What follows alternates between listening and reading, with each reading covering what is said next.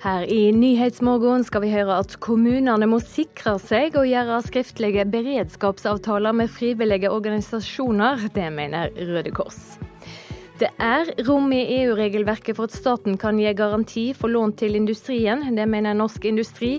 En slik statsgaranti kan bety nye arbeidsplasser for landbasert norsk industri. Nettporno er blitt mange unge sin måte å lære om sex og kropp på.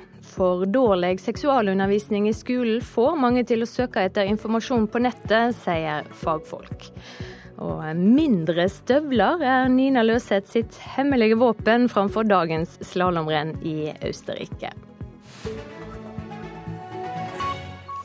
Riktig god morgen i studio i dag, Silje Sande. Beredskapen i norske kommuner er for dårlig, mener Røde Kors. De ber nå flere kommuner om å inngå skriftlige beredskapsavtaler med frivillige organisasjoner, så de er klare dersom det oppstår en krise, t.d. ved ekstremvær.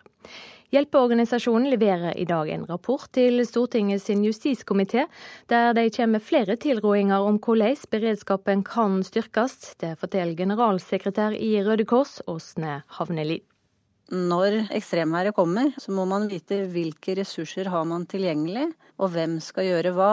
Og Derfor er det viktig at man både får til samarbeidsavtaler, og at man øver sammen. Jeg vet at kommunene har mye de skal håndtere, men vi har ikke råd til å la være å ha en god beredskap. Opoelva i Odda som går over sine bredder like før jul. Sist ut i rekken av flommer og annet ekstremvær som har rammet norske kommuner i nyere tid. Dette kombinert med asylstrømmen og stadig flere søk- og redningsoperasjoner gjør at Røde Kors nå mener beredskapen i kommunene bør skjerpes. Og de får støtte. Nei, Vi er helt avhengige av det. I vårt daglige eh, virke så er det selvsagt viktig å ha kontakt med Røde Kors. Sier ordfører i Aurland kommune i Sogn og Fjordane, Noralv Distad. Det var helt avgjørende at kommunen fikk hjelp under flommen i Flom i 2014. De har hatt et tett samarbeid med Røde Kors, og vil nå signere en skriftlig beredskapsavtale, slik organisasjonen ønsker. Ja, Det fungerer veldig godt slik som det er i dag, men eh, det er ryddig å ha det òg avtalefesta, selv om samarbeidet i praksis eh, har vært fungert som om det er en eh, avtale. Aurland kan da bli den 92. kommunen til å signere en slik avtale. Generalsekretæren i Røde Kors er klar på hva hun mener kan være ytterste konsekvens av å ikke ha beredskapen på plass når krisen rammer. Det er at liv går tapt rett og slett. Og at eh, lokalbefolkningen ikke får den hjelpen de trenger. Enten det er flom eller det er skred. Det kan være beboere som blir helt eh, avskåret fra omverdenen. At man ikke får medisinsk hjelp osv.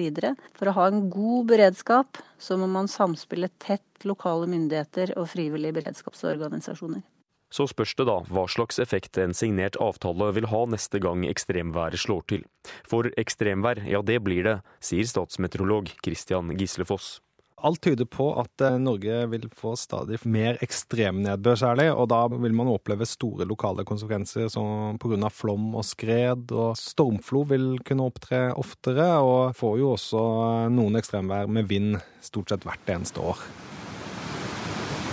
Reporter her, det var Vegard Valestrand. Norsk industri mener det er rom i EU-regelverket for å gi statsgaranti for lån til industrien. Plastråstoffprodusenten Ineos i Bamble i Telemark har bedt staten om å garantere for investeringer på 8 milliarder kroner, men næringsministeren har sagt nei. Et eh, advokatfirma som Norsk Industri har fått til å vurdere om staten kan gi garanti innenfor reglene i EØS-avtalen, mener det er åpning for dette. Det er veldig gledelig at eh, en nå har fått på plass en eh, betenkning som sier at det er mulig å få til en eh, lånegarantiordning utenfor ESA-systemet. Hvorvidt regjeringen velger å gjøre noe, det er jo opp til de. Det sier Ineos-direktør Magnar Bakke. Ineos hadde store planer som måtte settes på vent. Bedriften som produserer plastråstoff, ønska å investere 8 milliarder kroner i et nytt petrokjemianlegg i Bamble, noe som ville ført til 100 nye arbeidsplasser. Men bedriften er avhengig av at staten stiller som garantist for å få lån. Noe næringsminister Monica Mæland blankt har avvist. Det har hun tidligere begrunna med at regelverket i EU ikke gir mulighet til å gi slike lånegarantier.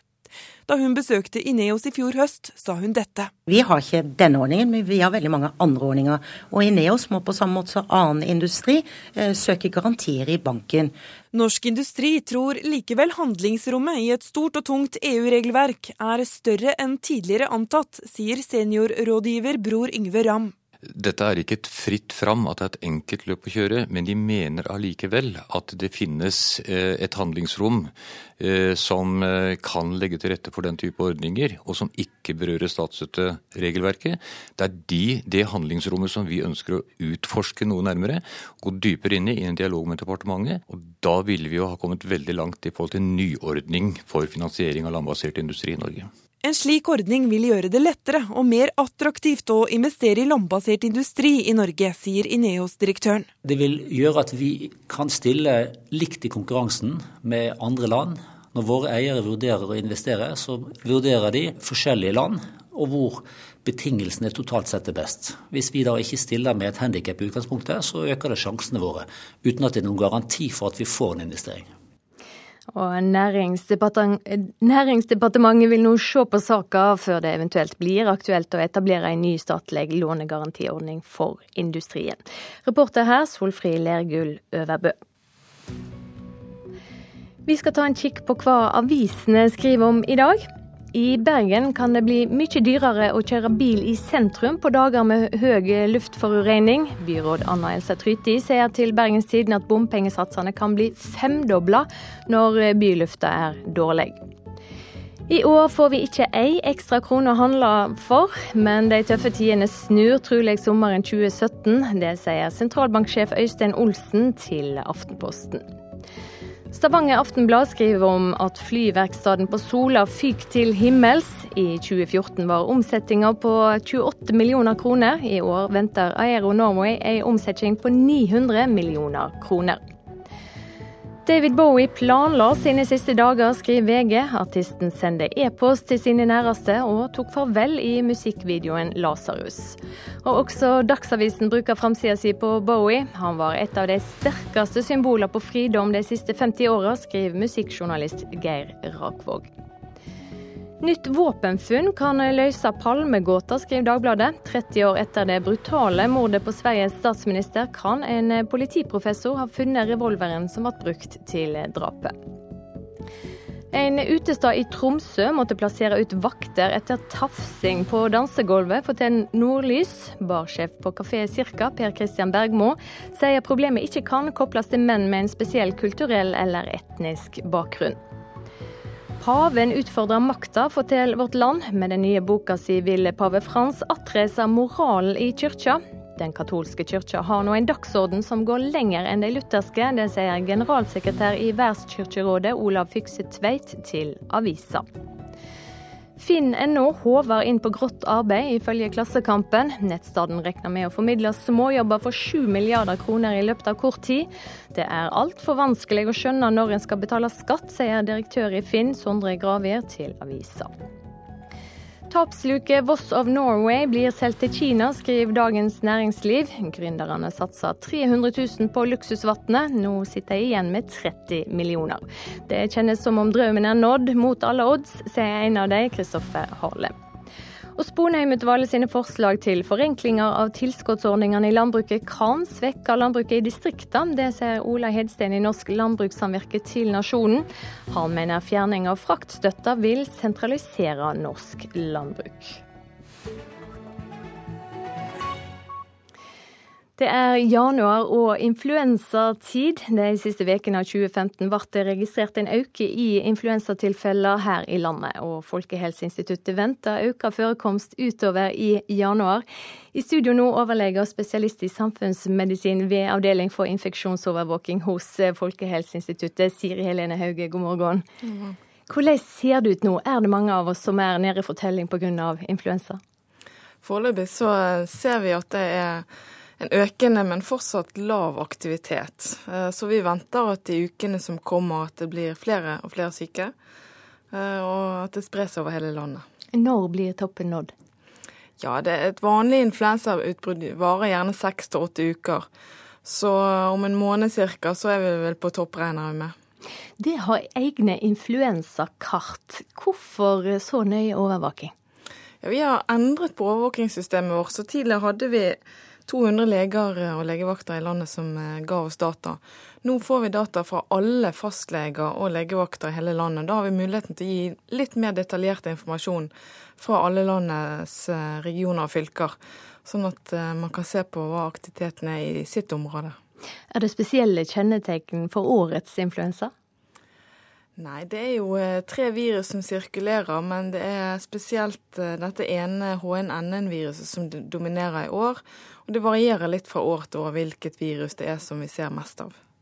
Og så er det slik at Svineinfluensaviruset som vi frykta for noen år siden, nå blir regna som et vanlig influensavirus. Det må du forklare. Ja, nå er det sånn at uh, når det kommer en pandemi sånn som det gjorde i 2009, med et nytt influensa-A-virus, så fortsetter det å sirkulere i årene etterpå som et vanlig influensavirus. Fortrenger det forrige viruset som lignet på det. Uh, og sånn uh, har alle influensa-A-virusene våre oppført seg. Så, så um, etter pandemien i 2009 så har det viruset fortsatt å komme tilbake hvert år som et vanlig sesonginfluensavirus. Og så har det vært litt i ulike andeler fra år til år. Foreløpig år så ser det ut som at vi får ganske mye av det viruset. Men hvor mange som blir syke, eh, det vet vi ikke. Men det er ikke spesiell grunn til å engste seg for det? Nei, nå regner vi det som et vanlig sesonginfluensavirus. Hvem er det som er mest utsatt for å bli syk? Ja, det, det, det er litt forskjell på hvem som blir syk og hvem som blir alvorlig syk. Vi vet jo det at barn har størst risiko for å bli smittet. De er, har ikke immunitet, og de er tett sammen og har en litt annen atferd. Uh, mens, uh, mens, de som har risiko for å bli alvorlig syk, det er de som er eldre, og de som har kroniske sykdommer som uh, hjerte-karsykdommer, lungesykdommer, diabetes, gravide osv. Så, videre. så denne gruppen med høyrisikopersoner ønsker vi at skal ta vaksinen. Stemmer det, slik mange sier, at det er sunt å, å, å bli ordentlig influensasjuk av og til? For de aller fleste så er jo influensa en sykdom som er eh, ikke så veldig gøy å få, men som går over seg sjøl. Eh, men for eh, folk i risikogruppene er det absolutt ikke noe sunt å få influensa, for de kan bli alvorlig syke. Så eh, nei, jeg vil ikke si at det er sunt å få influensa. Til slutt, hva råd har du til de som blir syke? Ja, uh, man er jo smittsom, så det er jo greit å ta hensyn til andre. Uh, hvis man ikke tilhører risikogruppen, så går det jo ofte over seg selv. Og da må man ta litt hensyn til seg selv. Har man feber, uh, så bør man jo holde sengen og gjerne være hjemme fra jobb. Det må man føle litt på selv. Men få i deg nok drikke og noe mat, så går det som regel bra. Takk skal du ha for at du kom i studio, Siri Helene Hauge.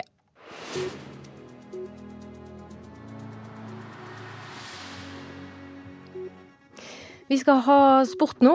For ei uke siden vant Nina Løseth sin første verdenscupseier i slalåm. I dag venter et nytt slalåmrenn i Østerrike. Jenta fra Ålesund har bl.a. fått tips fra Henrik Kristoffersen og Sebastian Foss Solevåg for å bli enda bedre. Jeg har bl.a. gått ned en størrelse i, i eh, skisto, i skistøvlene mine, etter tips fra guttene faktisk. Eh, når vi var på samling på Kvitfjell i våre, så så jeg at det, det hadde han Henrik gjort, og det hadde han Sebastian gjort. Så tenkte jeg hm, ja, hvorfor ikke? Og så gjorde jeg det, og så har det funka veldig bra. Det sier Nina Løseth. Forrige uke tok hun sin første verdenscupseier i slalåmrennet i Santa Caterina. 1-12! Nina Løseth, gratulerer! Jenta fra Ålesund innrømmer at hun legger mer press på seg selv før dagens renn i østerrikske Flasjå. Jeg tror nok, altså Teknisk sett så krever jeg nok litt mer av meg sjøl. Jeg krever um, at jeg gjør jobben min enda mer nøyaktig. Men resultatmessig så jeg har ikke fokus på det. Så um, da teller man opp etterpå, og så må jeg holde fokus på det jeg skal gjøre fra start til mål. Og planen for dagens renn, den er klar. Få til de tekniske tingene jeg jobber med, og klare å eh, egentlig finne tak i sjette giret mitt. Finne ut hvor fort jeg kan kjøre. For jeg føler det går ganske lett nå. Reporter Ida Moseng. Du hører på Nyhetsmorgen i NRK P2 og Alltid nyheter. Klokka er blitt 6.48. Eh, Dette er hovedsaker nå. Høgskolene må intensivere jakta på flinke studenter når eh, karakterkravene til lærerutdanninga øker fra høsten. Det sier kunnskapsministeren. Beredskapen i norske kommuner er for dårlig, mener Røde Kors. De ber kommunene om å inngå skriftlige beredskapsavtaler med frivillige organisasjoner. Og Russland kan gi asyl til Syrias president Bashar al-Assad dersom han skulle bli tvinga til å forlate landet sitt. Det sier president Vladimir Putin.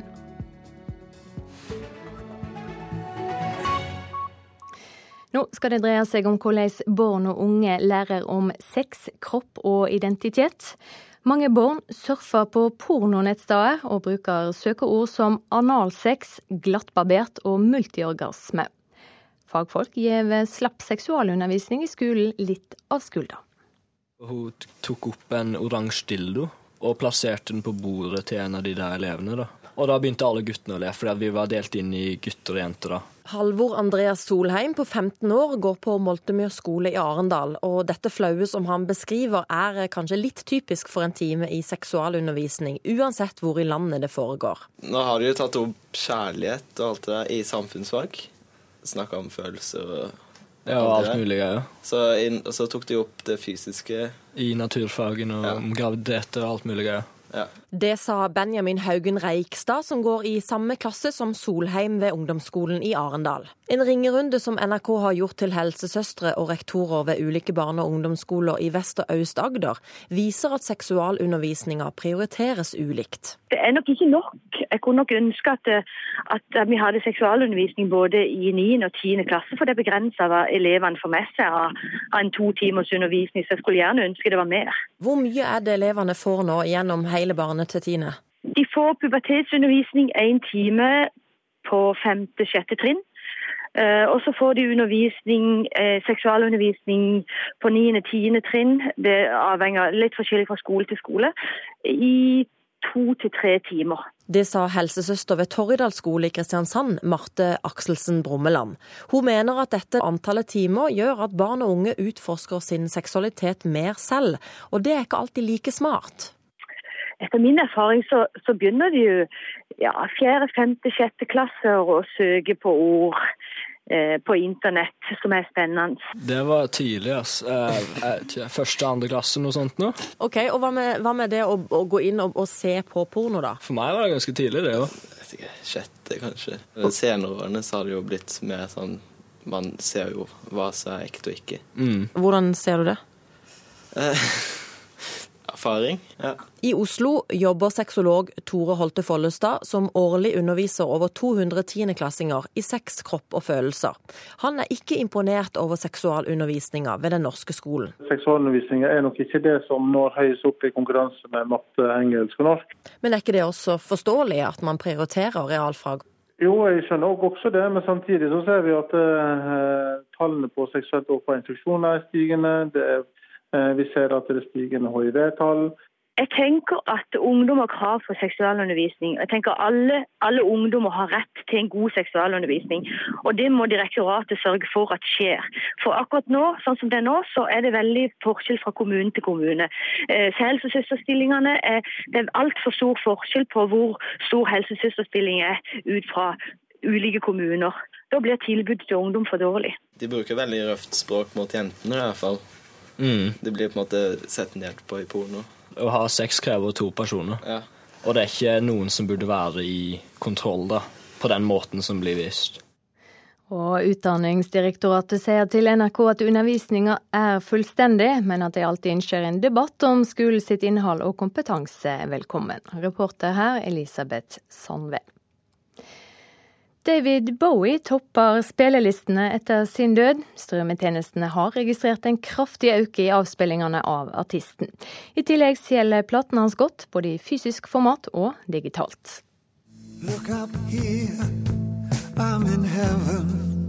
Publikum strømde til strømmetjenestene i går, da nyheten om at David Bowie var død, kom. Spotify melder om en økning på 2700% i strømming av Bowie-sanger, ifølge Reuters. Nyheter er viktige for hva musikk vi hører på, sier Arnt Maase ved Universitetet i Oslo. Nå kan plutselig eh, en, en, brorpart av, av lyttergruppen gå inn og høre på en låt eller flere omtrent på den samme tiden, så det kan bli et stort fenomen. I tillegg selger både nye og gamle Bowie-plater godt, både i form av CD og vinyl, og som nedlasting. Måsøy tror dette kan føre til at Bowie nå får flere lyttere. Veldig mye er tilgjengelig for både gamle fans og folk som ikke har hørt eh, noe særlig på musikken, eller kanskje ikke, til og med ikke vet hvem Bowie er. Så er det mulig at eh, en katalog eller en artist oppdages eller gjenoppdages eh, for en stor gruppe igjen.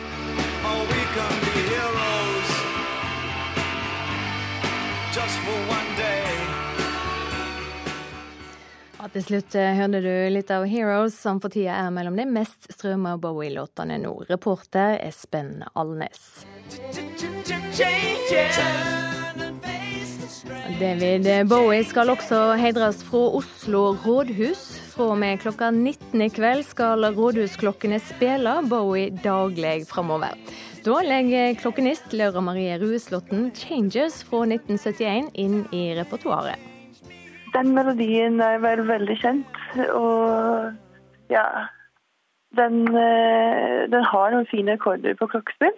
Jeg tenker det er veldig relevant for eh, moderne musikkhistorie. Eh, dette er en artist som betyr veldig mye for veldig mange mennesker. Og litt samme som Motorhead. da. At dette er noe som folk kan kjenne seg igjen i, og dette er noe som veldig mange syns er relevant å ønske seg. Da skal vi til Trondheim. Der feirer nå Gamle Scene 200 år, og er med det en av de eldste scenene i Europa i sammenhengende drift. En juvel, sier teatersjefen, og markerer bl.a. ved å sette opp Armod og edelt sinn fra 1800-tallet. En forestilling der alt skal spilles på originalt vis, rått, direkte og rasistisk. Jeg utruster et skip og tar alle kostnader. De tar kommandoen og fører skipet til Afrika. Til Afrika? Hva skal de der? Jubileumsstykket for Gamle Scene er ikke valgt tilfeldig. Det er skrevet i 1796 i Tyskland, i de store omveltningers tid. Negrene kan verken skrive eller lese. Man bedrar dem så lett at det er en fryd. Gamle Scene var ferdigbygd i 1816 i en by med mange rike familier som var opptatt av internasjonale trender. Veldig stor teaterinteresse i Trondheim rundt 1800. Eh, og Trondheim som en internasjonal by med kontakter til utlandet. Et eh, rikt borgerskap. Og de hadde da privatteatre i sine store hus, da. Og 1814, da, eh, vårparten var det vel, så ble det utlyst at nå, vi, nå trenger vi aksjer. Aksjekapital sier teaterhistoriker Toralf Berg. Her er trappa Bjørnson og Ibsen har gått. Enkelte ting er helt, helt likt sånn som det var for 200 år siden. og ja, Det er en juvel, dette her. Det er en, eh, et lite smykkeskrin som vi er forferdelig glad i. Det sier teatersjef Christian Seltun. Og ja, Ibsen og Bjørnson har instruert sine tropper her. Det var bare få ganger det var fast ensemble her i Trondheim, da, men det var tilreisende selskaper. Omreisende selskaper som selvsagt måtte presentere nyheter. Og de var i Berlin, i London, Paris og snappet opp det folk ville ha. For de måtte jo spille det som folk ønsket å se. De 200 år gamle veggene her bærer et utall historier om kulturen i Trondheim og i verden. Fra Trondheims gullalder fram til nå. Scenen med det skrå gulvet er den eldste i kontinuerlig drift i Norden. Den er freda og modernisert, og den har kommet for å bli. Vi, eh, vi, er jo vokst opp med denne scenen, vi, vi, så det, det jo, ligger jo i uh, ryggsøylen uh, vår.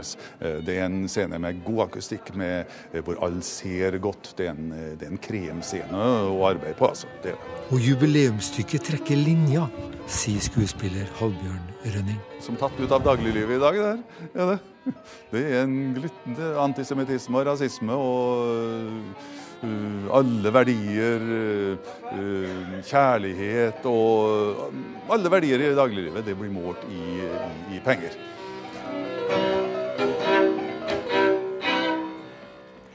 Det var en bitte liten del av den 200 år lange historien om gamle scener og stykket 'Armod og edelt sinn'. Reporter Lars Erik Skjærseth. Vi skal ha et værvarsel som gjelder fram til midnatt. Fjellet i Sør-Norge skiftende bris, i Langfjellet østlig bris. Spredt snø fra Dovre og østover. Østlandet nordøstlig bris, på kysten frisk bris. Litt snø av og til nord i Hedmark og Oppland, ellers opphold. Fra i ettermiddag spredt snø også lenger sør. Telemark nordøstlig bris, på kysten periodevis liten kuling, for det meste opphold. Agder får nordøstlig bris. Frisk bris på kysten, periodevis liten kuling øst for Lindesnes. Opphold fra i ettermiddag spredde snøbyger nær kysten i øst.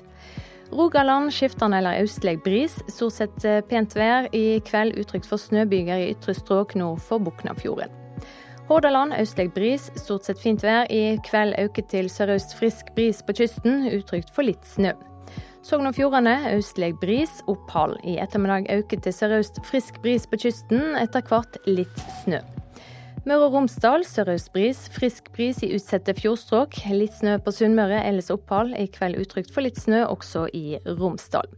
Trøndelag sørøst opp til sterk kuling utsatte steder. Utrygt for litt snø i grensetraktene, ellers opphold. Helgeland, Saltfjellet, Salten og Ofoten sørøstlig opp til stiv kuling utsatte steder. Litt snø i grensetraktene, ellers opphold. Lofoten og Vesterålen sørøstlig liten kuling utsatte steder. Opphold. Troms sørøstlig liten kuling utsatte steder, for det meste pent vær. Finnmark skiftende bris, periodevis sørøstlig frisk bris. Utsatte steder i vest, enkelte snøbyger på kysten i øst, ellers mye fint vær. Og Nordensjøland på Spitsbergen får skiftende bris og oppholdsvær. NRK P2. Til sommeren kommer altså den første gruppa med vernepliktige kvinner inn i Forsvaret. Her i Nyhetsmorgen skal vi straks høre hva likestilling som både synes om at ingen regler er endra etter at en kvinnelig soldat var tvinga til å bade naken sammen med mannlige medsoldater.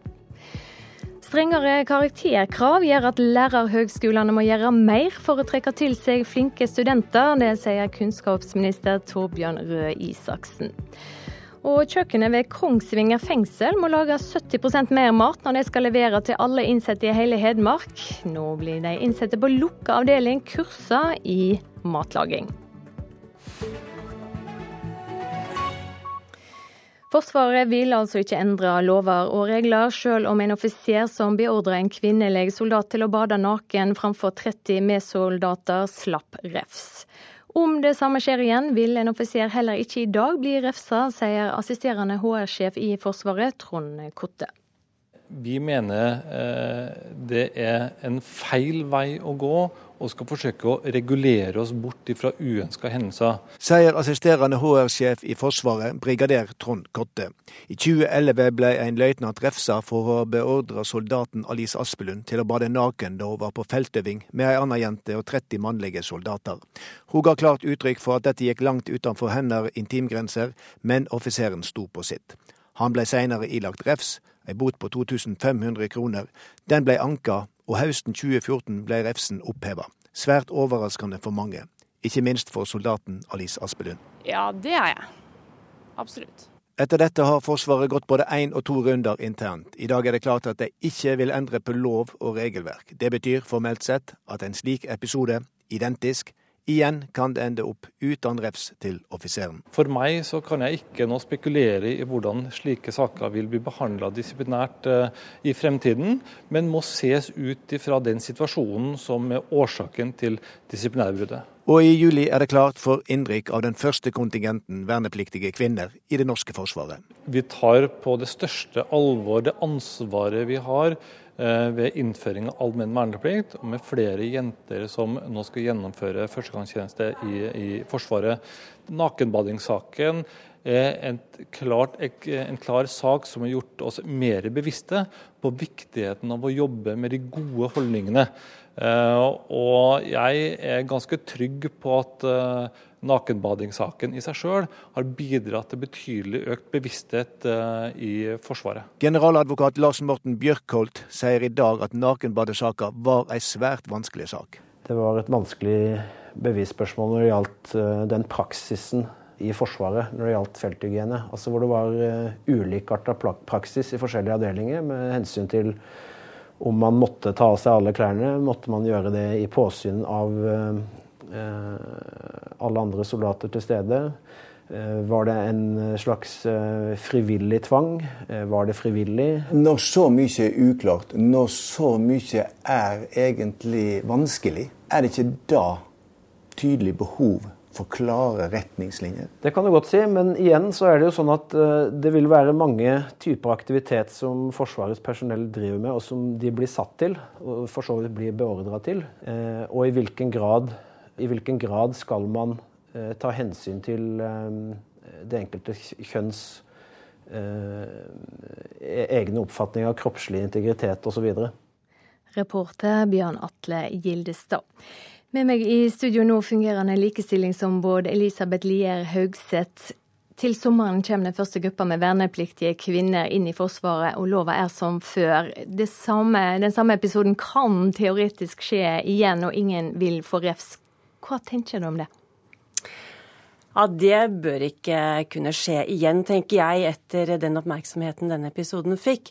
Eh, ombudet er tydelig overfor alle arbeidsgivere. Eh, at de må være, ha gode rutiner. De må ha et tydelig regelverk både på hva, eh, hvordan man skal forebygge at trakassering skjer, og hvordan man skal håndtere trakasseringstilfeller.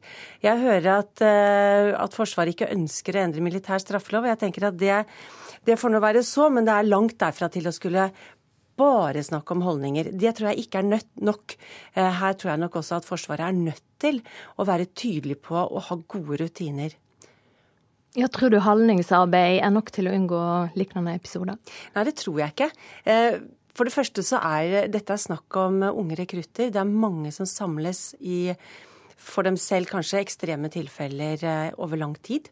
Eh, det er unge mennesker som kanskje ikke har fått den innsikten i hva trakassering innebærer. Eh, det er det ene i gode rutiner. En arbeidsgiver, en virksomhet som har gode rutiner, er tydelig på hva man mener trakassering er, slik at de vet hva, som, hva de skal forholde seg til. De er også tydelige på at det ikke er tillatt, at man har gode rutiner for å forebygge, at folk er trygge for at de kan varsle, og at de også skal være trygge for at dette blir tatt opp og håndtert. Og det kan man jo gjøre uten at man skal gå så langt som til å gå til Stortinget for å endre tungt regelverk. Ja, Hva innspill vil du komme med?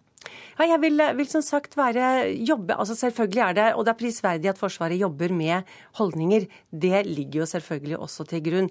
Og der har vi hatt en god dialog også med Forsvaret. Men jeg vil utfordre Forsvaret til å sette ned gode rutiner. Gjøre det tydelig for rekruttene hva er det som, er det som ligger innenfor og utenfor det som er akseptert eh, iblant rekruttene. Og da skal de kvinnelige, de jentene som nå kommer inn som vernepliktige til sommeren, de skal være trygge for at deres medsoldater vet hva de kan gjøre og ikke gjøre. Kan de kjenne seg trygge på det? Ja, De er jo litt i tvil om nå, da. Hvis det er slik at Forsvaret mener at ikke det er behov for å jobbe med rutiner. Jeg tror kanskje de gjør det, men at de er likevel nødt til å gjøre det enda tydeligere, enda grundigere. Dette, må, dette er et viktig arbeid. Du sier du har vært i dialog med Forsvaret. Hvordan vil du karakterisere likestillingsarbeidet der nå? Ja, Vårt inntrykk er at Forsvaret virkelig vil likestilling, og at de vil eh, ha et eh, likestilt forsvar både hvor kvinner skal eh, delta, og at de skal delta på like fot og trygg fot. Men det er svært. Det er kjempedigert, og det kan være lang vei fra øverste leder og ned til soldatene. Så dette må de jobbe med, og da holder nok ikke bare holdningsarbeid. Da må man også ha gode retningslinjer, slik at soldatene vet hva de har å forholde seg til. Takk skal du ha for at du kom i studio, fungerende likestillingsombud Elisabeth Lier Haugseth.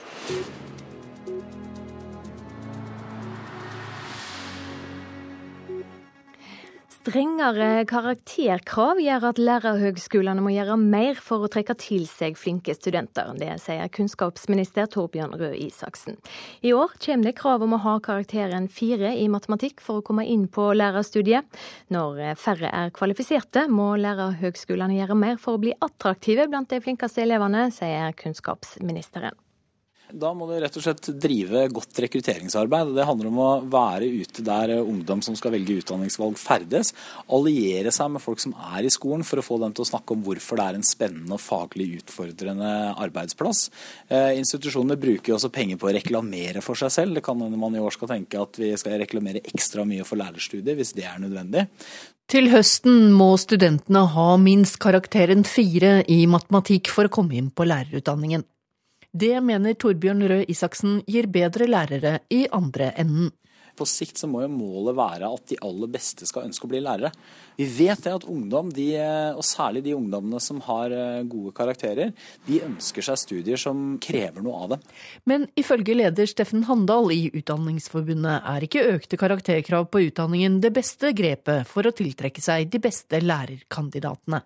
Nei, altså det er andre ting som vil gjøre lærerstudiet attraktivt. Og det er å gjøre lærerstudiet enda bedre. Der vil jo regjeringen også gjøre om, eh, gjøre om lærerutdanning til mattegradnivå. Det tror vi er et eh, klokere grep. Og I tillegg så må jeg jo appellere til eh, arbeidsgivere her. Det å gjøre læreryrket attraktivt, det handler også om å øke lønna og gjøre arbeidsvilkårene bedre for, for lærere. Det er sånn du tiltrekker deg de studentene som eh, kan bli de beste lærerne. Utvikling av høyere utdanning og forskning er tema på kontaktkonferansen med hele universitets- og høyskolesektoren i dag. Kvalitet er sentralt for kunnskapsministeren i den stortingsmeldingen han skal levere. En måte å høyne kvaliteten på, er å høyne kravene for å komme inn på lærerutdanningen, sier Torbjørn Røe Isaksen. Vår ambisjon er jo også at vi skal ha heve kravet i både norsk og engelsk også for å komme inn på lærerskolen. Men vi er nødt til å starte et sted, så vi starter nå med matematikk. Men økte karakterkrav i forrige runde, i 2005, påviste jo ikke at en fikk flinkere studenter til lærerutdanningene, selv om kravene økte. Det innvender lederen av Utdanningsforbundet, Steffen Handal. 2005 så endret man eh, inntakskravene. og det, det De som har eh, forska på dette ser, det er at eh, det endret nødvendigvis ikke tilgangen til de potensielle studentene som hadde de høyeste karakterene. Reportere Henvik Bjørgum og Siv Sandvik. Klokka er 7.13. Du hører på Nyhetsmorgen i NRK P2 og Alltid nyheter. Hovedsaker nå. Forsvaret vil ikke endre lover og regler etter nakenbadesaka i Bodø. Forsvaret må ha gode rutiner. Det er ikke nok å snakke om holdninger, sier Likestillingsombudet. Høgskolene må intensivere jakta på flinke studenter når karakterkravene til lærerutdanninga øker fra høsten, sier kunnskapsministeren. Og Russland kan gi asyl til Syrias president Bashar al-Assad dersom han skulle bli tvinga til å forlate landet sitt. Det sier president Vladimir Putin.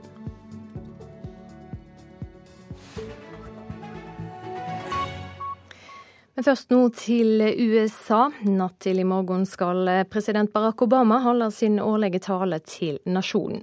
Og alt nå er det klart at en bedre økonomi og kamp mot våpensal vil være mellom temaer han kommer til å ta opp. Det er også venta at Obama vil løfte blikket og se lenger fram. Mr. Speaker, the President of the United States. Mr. Speaker, Mr. President, members of the 103rd Congress, distinguished guests, and fellow Americans. Det er en seremoni full av tradisjoner når USAs president møter samtlige kongressmedlemmer, medlemmene av Høyesterett og fortjente borgere med førstedamen som ledsager for å snakke om rikets tilstand og sine visjoner for kommende år. Sist søndag sendte Obama en av sine mest betrodde medarbeidere, stabssjef Dennis McDonough, ut på en rundtur til morgenshowene i de store fjernsynskanalene for å si litt om hva årets tale skal handle om.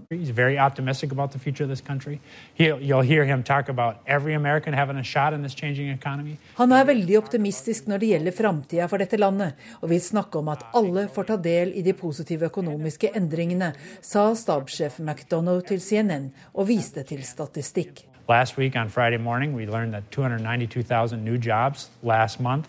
That's the 70th month in a row of job growth in this country. Sist uke fikk vi vite at det ble skapt 292 000 nye jobber sist måned. Det er 70. måned på rad med vekst i antall jobber, la han til. Obama-administrasjonens stimuleringspolitikk dempet de negative virkningene av finanskrisen, og USAs økonomi går godt. Arbeidsløsheten har gått ned fra 7,8 til 5% i Obamas presidentperiode, og et positivt bilde av perioden vil også tjene Hillary Clintons presidentkampanje, ettersom hun i flere år var en del av hans administrasjon. Det er varslet at Obama vil løfte blikket og se ut over året 2016 når han snakker om USAs framtid. Han kommer til å snakke om våpenkontroll, han vil nevne klimaavtalen i Paris og de internasjonale initiativene i kampen mot terrorisme.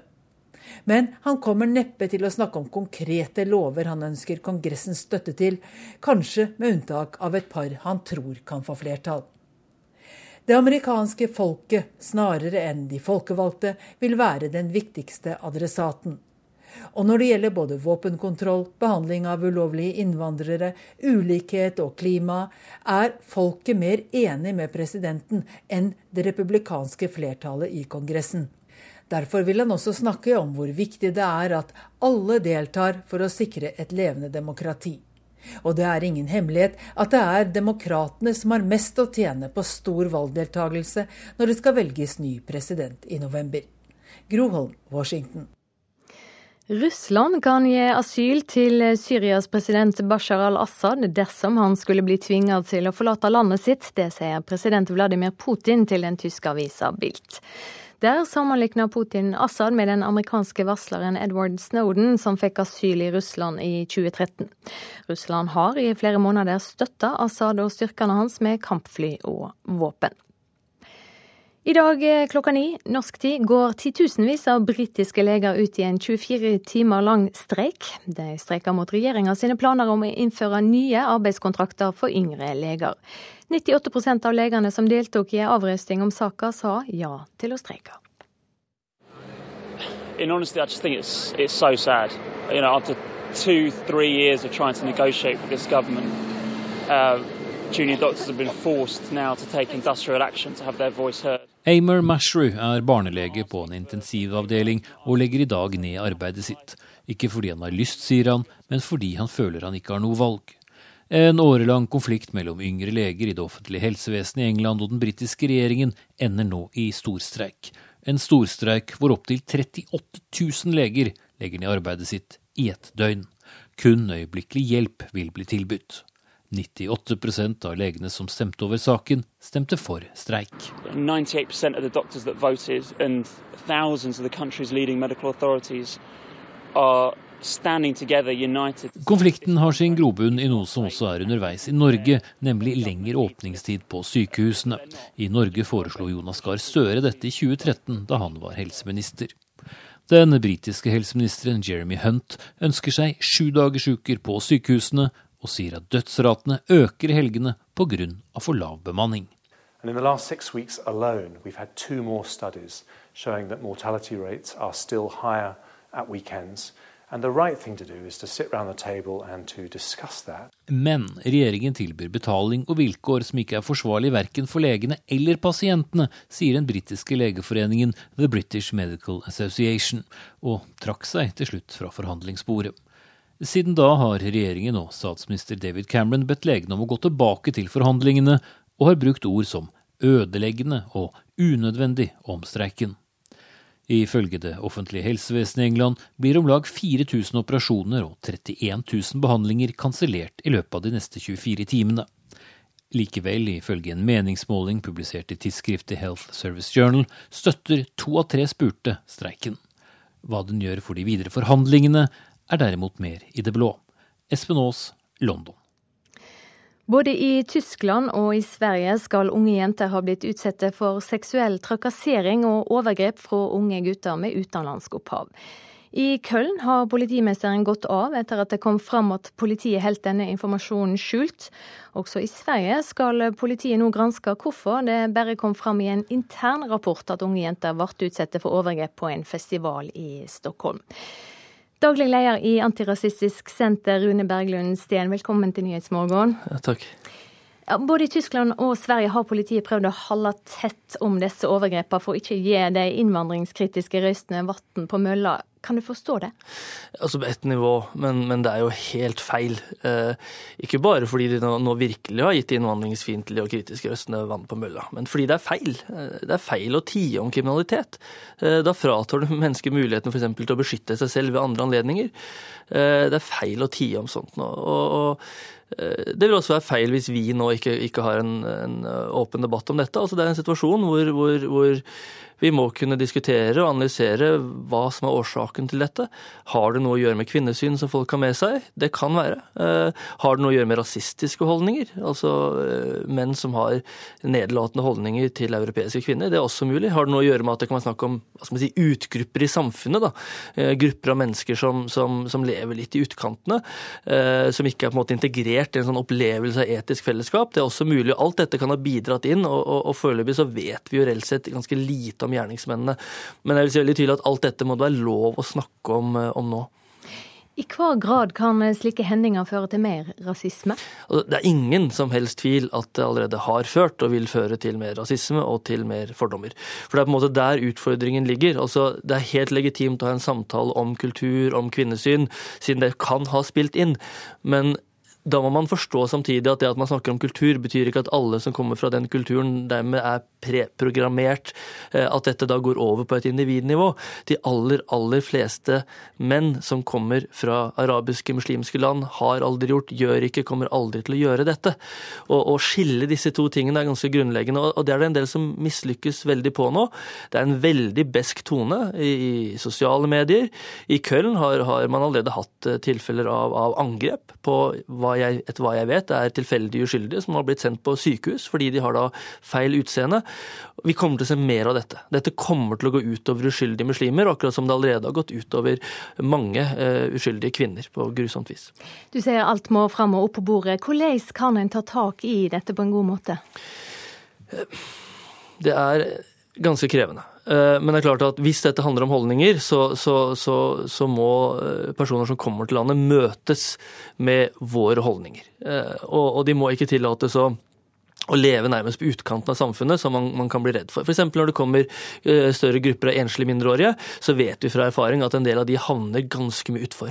Og De fleste jeg har kjent som havner utenfor, utenfor ender opp som rusmisbrukere og går mer til grunne, men man kan havne utenfor på flere måter, og det er ikke noe vi kan tillate.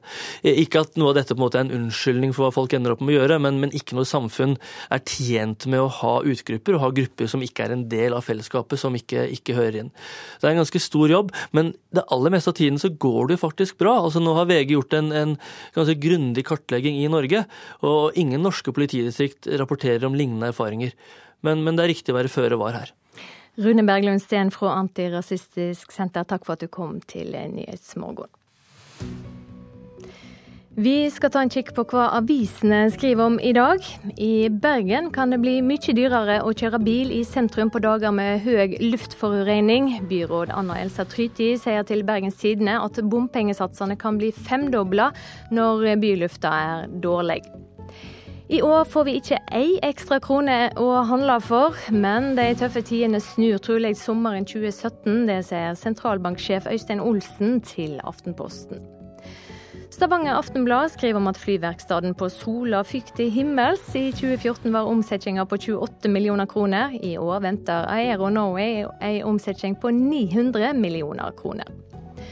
David Bowie planla sine siste dager, skriver VG. Artisten sendte e-post til sine næreste og tok farvel i musikkvideoen 'Lasarus'.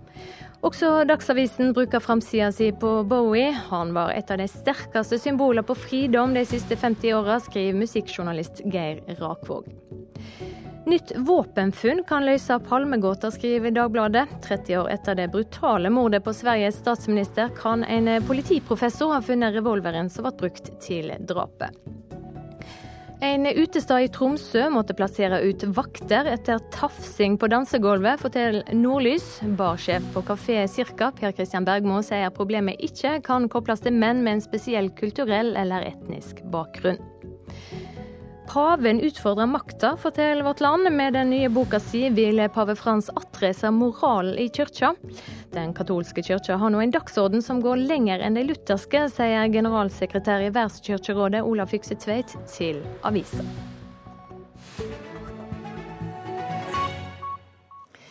Kjøkkenet ved Kongsvinger fengsel skal lage 70% mer mat når de skal levere mat til alle innsatte i hele Hedmark. Nå blir de innsatte på lukka avdeling kursa i matlaging. Målet er at de kan hjelpe til med å lage mat på fengselskjøkkenet etter hvert.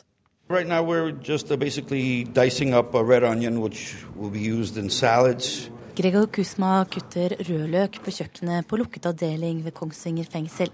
Gregor er 49 år og kommer fra Polen. Han soner dommen bak en flere meter høy mur og mange låste dører innerst inne i fengselet i Kongsvinger. Sammen med tre andre innsatte begynte han forrige uke på matkurs. I mean, it's, it's really I'm, I'm Han trives veldig godt med å ha noe meningsfylt å gjøre i fengselet. It's very important. Uh, if, if you have nothing to do, I believe that uh, majority of your thoughts will be negative then. With, with this, for instance, like I was telling uh, the chef the other day, uh, it was the first time that, for instance, I slept, and before sleeping, usually I think about how am I going to get over this wall. This time I'm thinking, well, what is it going to be like if I mix this with this? I'm curious what the taste is going to be like. It's, it's, it's, really phenomenal. I, I believe it's, it's very positive. Nå tenker han mer på matoppskrifter enn hvordan han skal komme seg over muren og ut av fengselet, sier han. Etter at Kongsvinger fengsel for drøyt tre år siden ble et rent utlendingsfengsel med innsatte som skal sendes tilbake til hjemlandet etter endt soning, har ikke aktivitetstilbudet vært så stort. Men meningsfulle dager er viktig, sier Roy Høgberget ved Skarnes videregående skole, som har ansvaret for opplæringa ved fengselet. Det er kanskje det aller viktigste i forhold til eh, sikkerheten i et fengsel, at eh, de innsatte er aktivisert og kommer seg ut av cella og kommer seg på jobb eller skole. Yeah, then you can start uh, the mixer and put every ingredients into it. Er det en motivert uh, gjeng, eller? Ja, det var det jeg tenkte mye på før jeg skulle begynne. da, Men uh, det har gått de er kjempemotivert og så fin gruppe som jeg har fått, så jeg er veldig fornøyd. Det sier lærer i matlaging Ola Holsæter. Flere timer hver dag er det kurs. I dag er det fransk pai som står på menyen. Kurset varer i rundt åtte uker. På slutten av soninga, før de blir sendt tilbake til hjemlandet, blir de overført til åpen soning, der sikkerheten ikke er så streng. Målet da er at de innsatte som har vært med på matkurs, skal få praksis på et ekte kjøkken. For de ansatte på fengselskjøkkenet i Kongsvinger trenger hjelp, fordi nå skal de lage mat til alle innsatte i Hedmark. Så det blir jo en eh, ganske stor økning på nesten 70% Men det gleder vi oss til. Det sier kjøkkensjef ved fengselet Turi Eng. Og de innsatte blir da en viktig arbeidskraft. Det er veldig viktig. Vi får jo ikke noen flere ansatte nå. Det er jo kjempespennende. Da har de jo lært masse oppe på høyere sikkerhet. Så vi vil jo få en kjemperessurs i de innsatte der. Tilbake på lukket avdeling i fengselet driver Gregor og tar den siste sjekken. Han er snekker av yrke, men han utelukker ikke at matlaging kan bli en jobb i framtida. I mean, I can see myself in a kitchen. I, I, I don't see why not. you know, it's, it's another open door. Reporter Ann-Kristin Moe. Så er det bare å finne fram danseskoa. I reportasjen etter Dagsnytt skal vi nemlig høre at sambaen fyller 100 år. Produsent for Nyhetsmorgen i dag, Ulf Tannes Fjell. Her i studio, Silje Sande.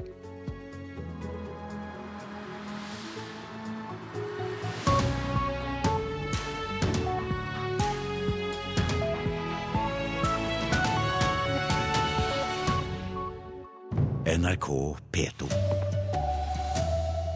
Offiserer kan fortsatt beordre kvinnelige soldater til å måtte bade naken foran menn. Kommunene har for dårlig beredskap når ekstremværet kommer, mener Røde Kors. Og folk strømmer til strømmetjenestene etter David Bowies død. Her er NRK Dagsnytt ved Kari Ørstavik, klokka er 7.30. Forsvaret vil ikke endre reglene, selv etter at en offiser som beordret en kvinnelig soldat til å bade naken foran 30 menn, slapp refs. Det er klart etter at Forsvaret har hatt en grundig gjennomgang av nakenbadesaken i Tromsø, i Bodø. Det forteller assisterende HR-sjef i Forsvaret, Trond Kotte. Det er en feil vei å gå, og skal forsøke å regulere oss bort fra uønska hendelser. Sier assisterende HR-sjef i Forsvaret, brigader Trond Kotte. I 2011 ble en løytnant refsa for å beordre soldaten Alice Aspelund til å bade naken da hun var på feltøving med ei anna jente og 30 mannlige soldater. Hun ga klart uttrykk for at dette gikk langt utenfor hennes intimgrenser, men offiseren sto på sitt. Han ble senere ilagt refs, ei bot på 2500 kroner. Den ble anka, og høsten 2014 ble refsen oppheva. Svært overraskende for mange. Ikke minst for soldaten Alice Aspelund. Ja, det er jeg. Absolutt. Etter dette har Forsvaret gått både én og to runder internt. I dag er det klart at de ikke vil endre på lov og regelverk. Det betyr formelt sett at en slik episode, identisk, igjen kan det ende opp uten refs til offiseren. For meg så kan jeg ikke nå spekulere i hvordan slike saker vil bli behandla disiplinært eh, i fremtiden, men må ses ut ifra den situasjonen som er årsaken til disiplinærbruddet. Og i juli er det klart for innrykk av den første kontingenten vernepliktige kvinner i det norske forsvaret. Vi tar på det største alvor det ansvaret vi har ved innføring av allmenn verneplikt, og med flere jenter som nå skal gjennomføre førstegangstjeneste i, i Forsvaret. Og jeg er ganske trygg på at uh, nakenbadingssaken i seg sjøl har bidratt til betydelig økt bevissthet uh, i Forsvaret. Reporter var Bjørn Atle Gillestad. Det er viktig at Forsvaret sikrer at lignende episoder ikke skjer igjen. Det sier fungerende likestillingsombud Elisabeth Lier Haugseth. De må være, ha gode rutiner. De må ha et tydelig regelverk både på hva, eh, hvordan man skal forebygge at trakassering skjer, og hvordan man skal håndtere trakasseringstilfeller. Jeg hører at, eh, at Forsvaret ikke ønsker å endre militær straffelov. jeg tenker at det det får nå være så, men det er langt derfra til å skulle bare snakke om holdninger. Det tror jeg ikke er nødt nok. Eh, her tror jeg nok også at Forsvaret er nødt til å være tydelig på å ha gode rutiner. Til Syria nå. Det er kommet fram nødhjelp til tre syriske byer, men behovet for akutte tiltak er langt fra dekket. Mange er syke og skadet og må evakueres, sier FN. Da regjeringsstyrkene åpna opp for innfart til Madaya, sto mange desperate kvinner og småbarn klare til å komme seg ut. De var ferdigpakka og tok veien fatt.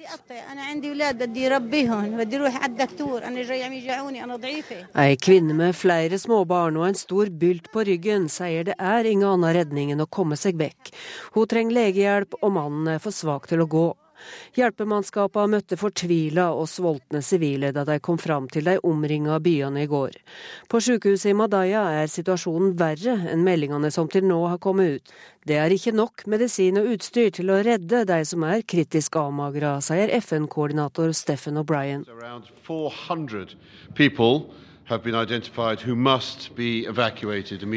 400 mennesker trenger omgående evakuering, eller de står i fare for å dø, sier FN-talsmannen.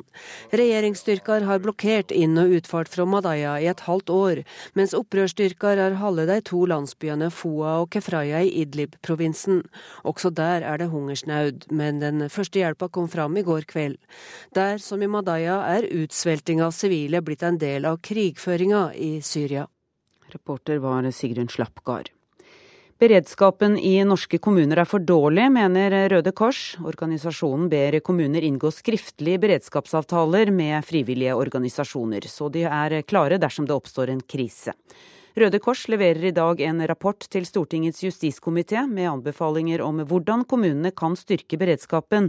Det sier generalsekretær Åsne Havnelid. Når ekstremværet kommer, så må man vite hvilke ressurser har man tilgjengelig, og hvem skal gjøre hva. Og Derfor er det viktig at man både får til samarbeidsavtaler, og at man øver sammen. Jeg vet at kommunene har mye de skal håndtere, men vi har ikke råd til å la være å ha en god beredskap. Opoelva i Odda som går over sine bredder like før jul. Sist ut i rekken av flommer og annet ekstremvær som har rammet norske kommuner i nyere tid. Dette kombinert med asylstrømmen og stadig flere søk- og redningsoperasjoner gjør at Røde Kors nå mener beredskapen i kommunene bør skjerpes. Og de får støtte. Nei, Vi er helt avhengige av det. I vårt daglige eh, virke så er det selvsagt viktig å ha kontakt med Røde Kors. Sier ordfører i Aurland kommune i Sogn og Fjordane, Noralv Distad. Det var helt avgjørende at kommunen fikk hjelp under flommen i Flom i 2014. De har hatt et tett samarbeid med Røde Kors, og vil nå signere en skriftlig beredskapsavtale, slik organisasjonen ønsker. Aurland kan da bli den 92. kommunen til å gjøre det. Så spørs det da hva slags effekt det vil ha neste gang ekstremværet slår til. For ekstremvær, ja det blir det, sier statsmeteorolog Christian Gislefoss. Alt tyder på at eh, Norge vil få stadig mer ekstremnedbør særlig, og da vil man oppleve store lokale konsekvenser som pga. flom og skred. og Stormflo vil kunne opptre oftere, og får jo også noen ekstremvær med vind stort sett hvert eneste år. Reporter var Vegard Valestrand. Strengere karakterkrav gjør at lærerhøyskolene må gjøre mer for å tiltrekke seg studenter. Det sier kunnskapsminister Torbjørn Røe Isaksen. I år innføres krav om fire i matematikk for å komme inn på lærerstudiet. Når færre er kvalifisert, må lærerhøyskolene gjøre mer for å bli attraktive blant de flinkeste elevene, sier Isaksen.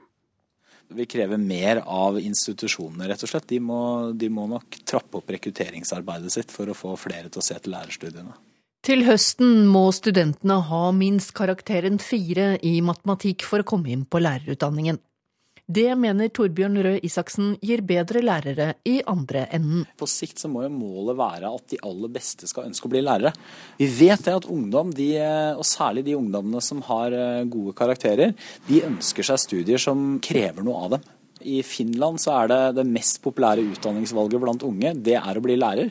Og hvorfor skulle det ikke være det? Det er krevende, det er spennende. Du får jobbe med mennesker, forme unge menneskers liv og sinn, holdt jeg på å si.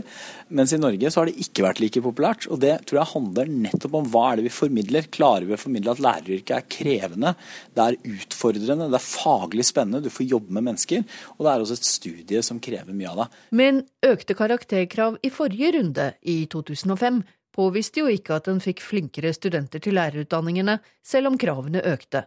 Det innvender lederen av Utdanningsforbundet, Steffen Handal. Nei, altså det er andre ting som vil gjøre studiet attraktivt. og Det er å gjøre lærerstudiet enda bedre. Gjøre om lærerutdanning til mastergradnivå. Det å gjøre læreryrket attraktivt, det handler også om å øke lønna og gjøre arbeidsvilkårene bedre for, eh, for lærere. Det er sånn du tiltrekker deg de studentene som eh, kan bli de beste lærerne. Reportere var Hedvig Bjørgum og Siv Sandvik. Da det ble kjent at David Bowie var død, merket strømmetjenestene en kraftig økning i avspilling av Bowies musikk. I tillegg selger platene hans godt, både i fysisk format og digitalt. Look up here, I'm in heaven. Publikum strømde til strømmetjenestene i går, da nyheten om at David Bowie var død, kom. Spotify melder om en økning på 2700% i strømming av Bowie-sanger, ifølge Reuters. Nyheter er viktige for hva musikk vi hører på, sier Arnt Maase ved Universitetet i Oslo. Nå kan plutselig eh, en, en, brorpart av lyttergruppen gå inn og høre på en låt eller flere omtrent på den samme tiden, så det kan bli et stort fenomen. I tillegg selger både nye og gamle Bowie-plater godt, både i form av CD og vinyl, og som nedlasting. Måsø tror dette kan føre til at Bowie nå får flere lyttere. Veldig mye er tilgjengelig for både gamle fans og folk som ikke har hørt eh, noe særlig på musikken, eller kanskje ikke, til og med ikke vet hvem Bowie er. Så er det mulig at eh, en katalog eller en artist oppdages eller gjenoppdages eh, for en stor gruppe igjen.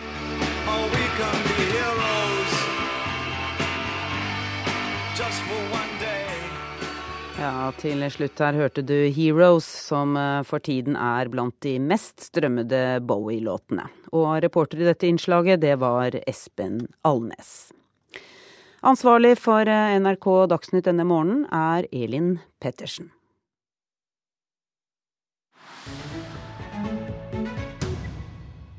Brasil sin nasjonalmusikk, sambaen, fyller 100 år i år. Arnt Stefansen i Rio har sett på sambaen sin stolte historie.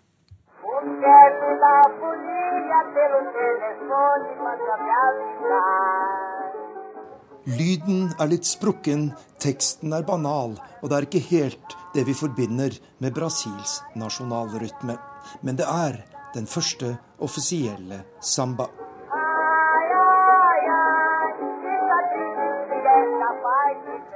Sambaen Pelo Celefoni ble laget her i Rio de Janeiro for 100 år siden. Det var Ernesto dos Santos, populært kalt Donga, og andre svarte musikere som laget sangen, og de fengende rytmene tok Rio og resten av Brasil med storm.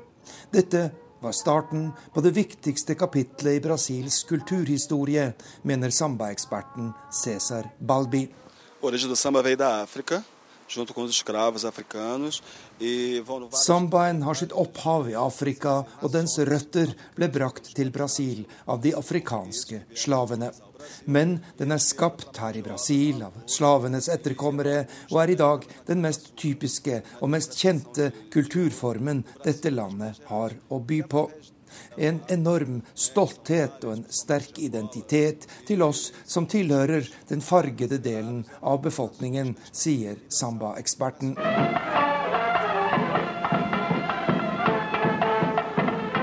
Den første samba ble skapt på Praza Once, også kalt Lille Afrika, i sentrum av Rio.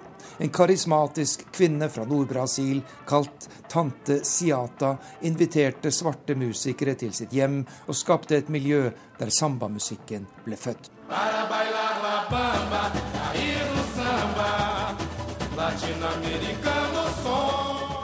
Og det er nettopp sambamusikken som har gjort Brasils karneval til det flotteste og mest berømte i verden.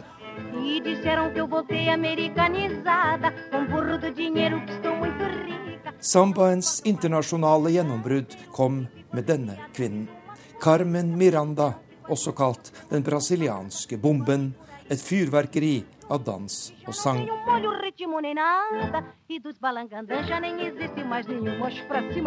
Carmen Miranda ble Brasils første verdensstjerne og en av Hollywoods største suksesser på 1940-tallet.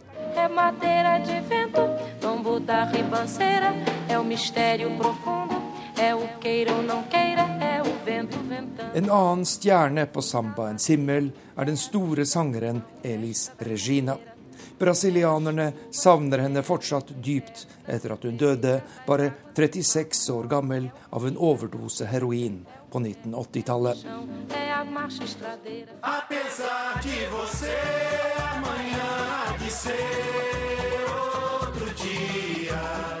Og samba er i høyeste grad politikk, med sin kritikk av Brasils militærregime fra 1964 til 1985, ble Chico Buarque en legende her i Brasil.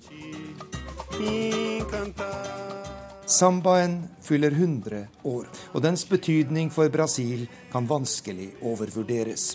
Men hva med fremtiden? Når det gjelder sambaens fremtid, så er jeg overhodet ikke bekymret, sier sambaeksperten Cæsar Balbi. Det som startet som en slavekultur, står i dag på Unescos liste over verdensarven, og den er blitt en merkevare for Brasil verden over. Forsvaret vil ikke endre reglene etter at ei kvinne fikk ordre om å bade naken sammen med menn. Forsvaret må ha gode rutiner, det er ikke nok å snakke om holdninger, svarer likestillingsombudet. Nødhjelpa er kommet fram til tre syriske byer, men det trengs flere akutte tiltak. Mange er syke og skadde og må evakueres, sier FN. Beredskapen for krisesituasjoner i norske kommuner er for dårlig, mener Røde Kors, som ber kommunene inngå skriftlige avtaler med frivillige organisasjoner. Og nettporno er blitt mange unge sin måte å lære om sex og kropp på. For dårlig seksualundervisning i skolen får mange til å søke etter informasjon på nettet, sier fagfolk. Nå blir det Politisk kvarter. Programleder i dag er Astrid Randen.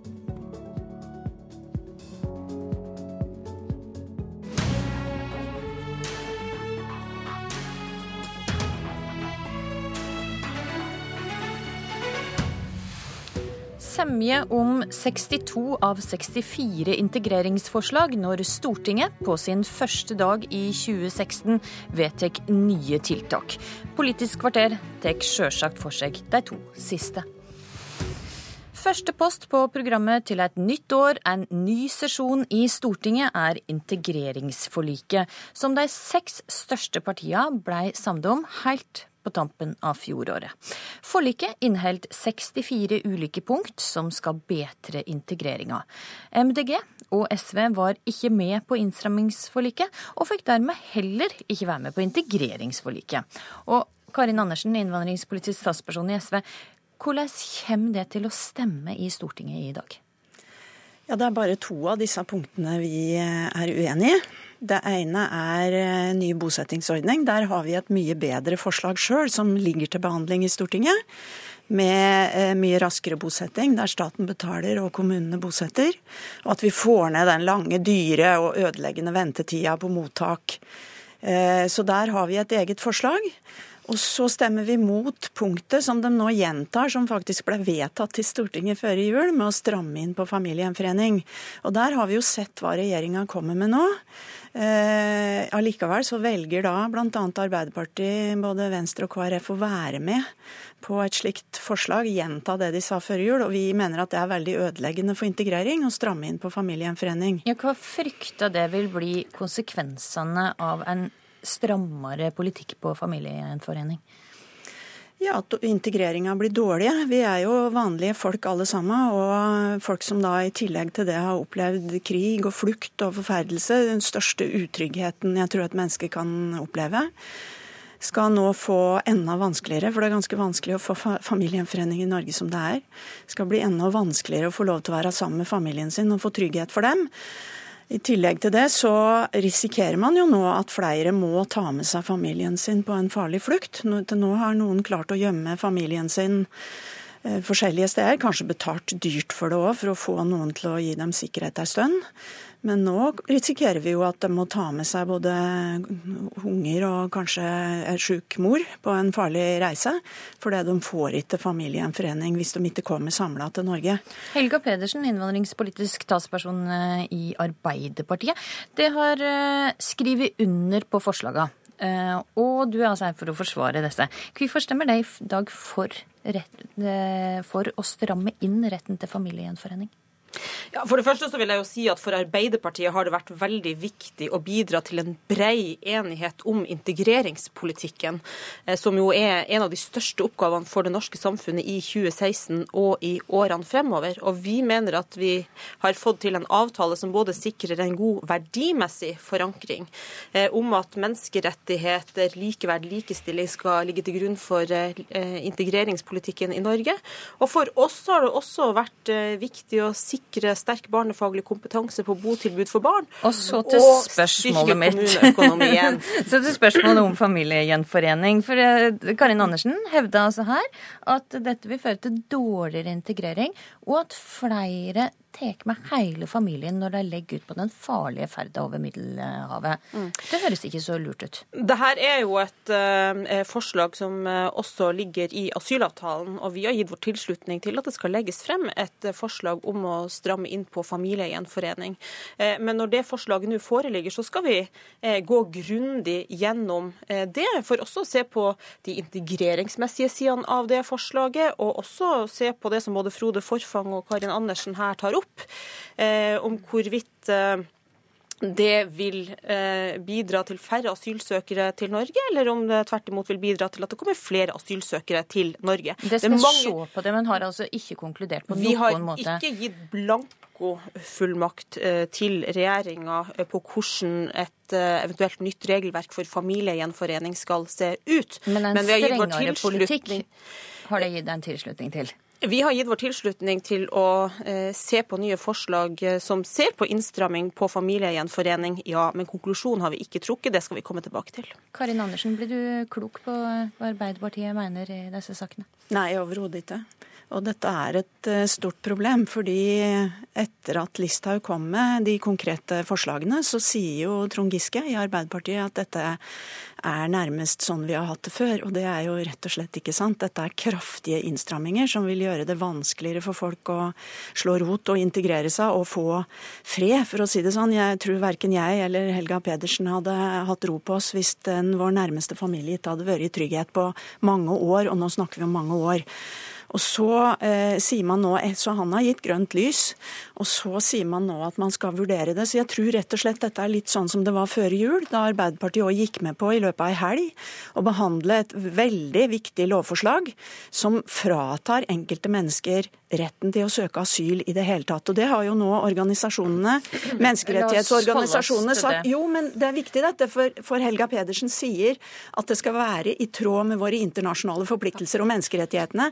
Det er helt klart at det var ikke det forslaget, og det risikerer vi også nå. Så jeg er veldig bekymra over at Arbeiderpartiet okay, blir med på ting første delen av kritikken har... din, sånn jo, men... at det ikke blir altfor ja. mange punkt. Uh, slik det var før og eh, her hevda altså eh, Andersen at Giske har gitt en blankofullmakt. Jeg hevder ikke det. Han sa det, han sa det til NRK. Altså det, det, er ikke riktig. Det Trond Giske sa i romjula, var at de nye forslagene fra regjeringa i all hovedsak ser ut til å Eh, føye seg inn i den asyl- og innvandringspolitikken som det har vært bred tverrpolitisk enighet over mange år. Men, men Andersen vi, kaller det for kraftige innstramminger. Men vi skal gå inn i de enkelte forslagene selvfølgelig og vurdere hva som må endres. Det var det Trond Giske sa, og det holder vi selvfølgelig eh, fast på. Og jeg er uenig i det Karin Andersen eh, sier om de lovendringene som ble gjort i høst. Det ligger også til grunn i asylforliket at Norges eh, internasjonale avtaler eh, ligger ved lag, og at man ikke skal svekke rettssikkerheten for eh, asylsøkerne. Og, og jeg, må også, nei, jeg må få lov til å svare på kritikken, for også når vi behandla eh, endringene i utlendingsloven, så var det et eh, grunnleggende premiss for Arbeiderpartiet for å gå inn i de endringene at eh, det såkalte known refoulement-prinsippet skulle respekteres. Dvs. Si at folk ikke skal kunne returneres fra Norge og tilbake til forfølgelse. Og Vi kommer til å følge veldig nøye med på hvordan de lovendringene fungerer i praksis. selvfølgelig. Ja, problemet her Helga Pedersen, er at hvis man vedtar en slik intensjon, men samtidig både vedtar en lovendring som åpner nettopp for det du sier, og så samtidig også gir regjeringa mulighet til å instruere UNE i disse sakene, så har dere åpna for det. Så hvis man mener at eh, menneskerettighetene og flyktningkonvensjonen skal holdes, så kan man ikke vedta et lovverk eller et regelverk som åpner opp for praksis i strid med det. Og Det er det dere har gjort. og Det er derfor det var så kritikkverdig at vi ikke fikk lov til å behandle den saken ikke én gang ei uke i Stortinget, men vedtok en hals over huet i en panikksituasjon. Men det blir debatt, og mer debatt om denne saken i Stortinget senere i dag. Den starta klokka ti. Karin Andersen, Helga Pedersen, takk for at dere kom til Politisk kvarter.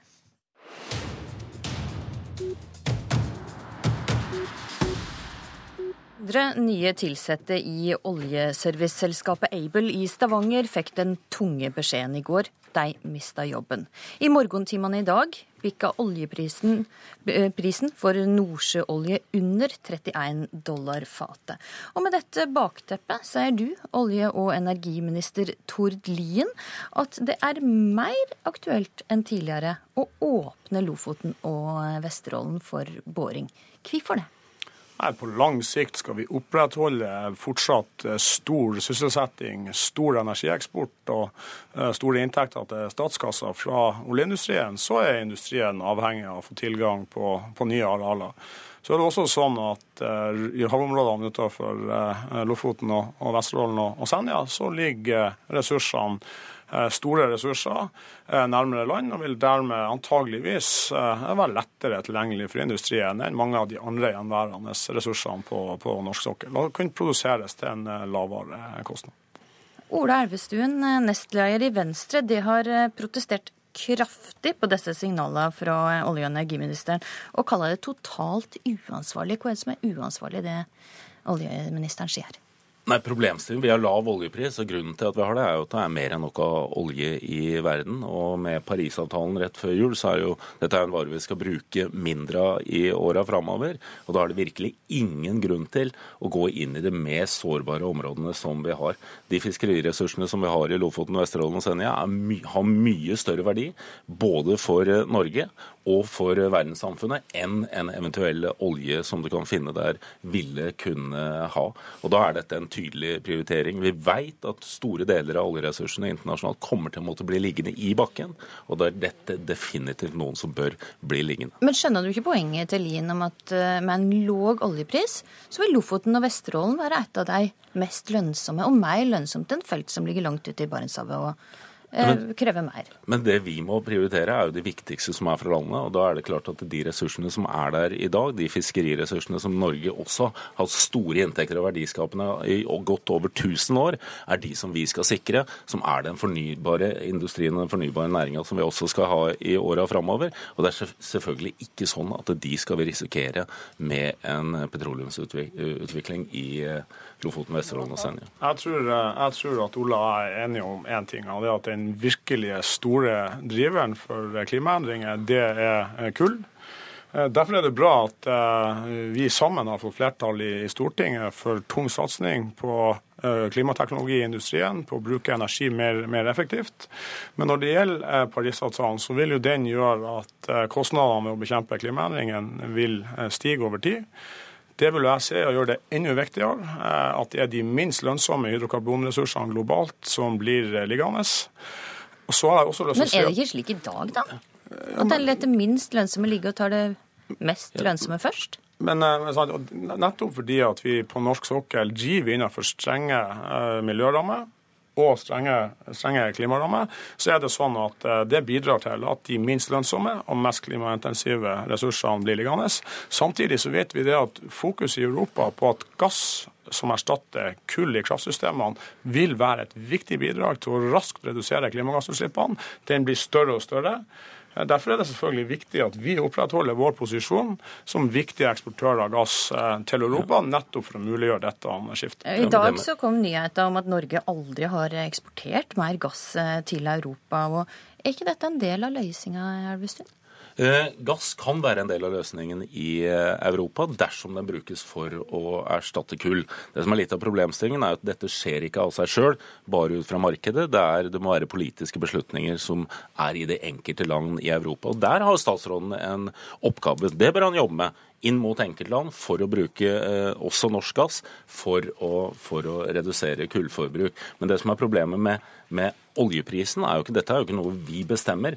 Den er lav fordi det er eh, en vare det er mer enn nok av. Vi vet at mye av det vi allerede har funnet må bli liggende i bakken. Og vi er jo i en situasjon hvor all energipris eh, faller. Og vi må jo påregne at sånn vil det også være i åra framover. Og da er det de viktigste områdene som vi skal holde oss unna. Ganske enkelt fordi verdien, de verdiene som er i Lofoten, Vesterålen og Senja, har større verdi også for norsk verdiskapning, og større verdi og mye mer langsiktig verdi enn den eventuelle så, oljen vi vil kunne ha. Som du vet, Ola, så kommer jeg sjøl fra Vesterålen. Jeg er helt enig i at både fiskeri- og havbruksnæringa sine interesser må ivaretas. Mm. Jeg syns vi i større grad sammen skal være stolte av de strenge rammene vi har for denne typen aktiviteten, som settes av storting og av, uh, og av regjeringa, uh, som industrien forholder seg til, og som har gjort det mulig å side om side utvikle fiskeriindustrien uh, til, til rekordåret 2015, men også samtidig som vi har har utvikla eh, verdens mest miljøeffektive eh, og en av de mest lønnsomme olje- og gassindustriene i, i, verden. Nå er vi jo i en situasjon hvor man sliter med lønnsomheten i de modne områdene, de etablerte områdene for olje- og gassutvinning. Og da vil det jo være helt meningsløst å åpne opp et nytt med den risikoen. For risiko vil det alltid være ved petroleumsaktivitet. Eh, sånn er det jo at det kan skje ulykker ved tekniske installasjoner. Det vil de kunne gjøre, i tillegg til at du jo også både har seismikkskyting og annen aktivitet som har en negativ effekt for eh, fiskeriene. Og Uansett så er jo dette noe som du vil det vil jo ikke kunne komme noe aktivitet før du ser 10-15 år fram i tid. Dette er jo ikke noe som løser det som er Kort, kort svar på det. Jeg mener at vi har. Den, kunnskap, den store kunnskapsinnhentinga vi allerede har gjennomført i Lofoten og Vesterålen, viser at det er fullt mulig å ivareta både miljøhensyn, hensynet til fiskeri- og havbruksnæringa, samtidig som vi gjennomfører lønnsom utvikling av industrien. Og på lang sikt, dette er en langsiktig industri, vi er nødt til å tenke langsiktig. På lang sikt vil disse ressursene kunne bety veldig mye for Norge. Olje- og energiminister Tord Lien der fikk du siste ord. Takk for at du kom i studio. Takk også til det Ola Elvestuen, for eh, Politisk kvarter er slutt. I studio i dag var Astrid Randen. Hør flere podkaster på nrk.no podkast.